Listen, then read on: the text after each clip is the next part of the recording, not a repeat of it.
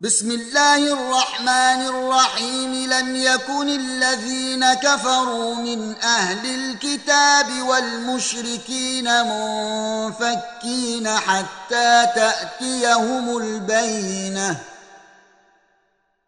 رسول من الله يتلو صحفا مطهرة فيها كتب قيمة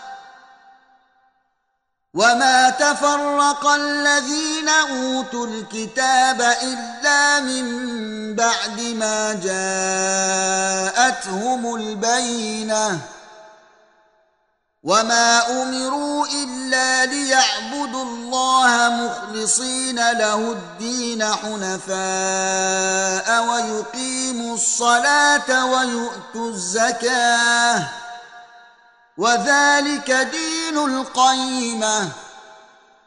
إن الذين كفروا من أهل الكتاب والمشركين في نار جهنم خالدين فيها. أولئك هم شر البريئة. إن الذين آمنوا وعملوا الصالحات أولئك هم خير البريئة. جزاؤهم عند ربهم جنات عدن تجري من تحتها الأنهار خالدين فيها أبدا. رضي الله عنهم ورضوا عنه.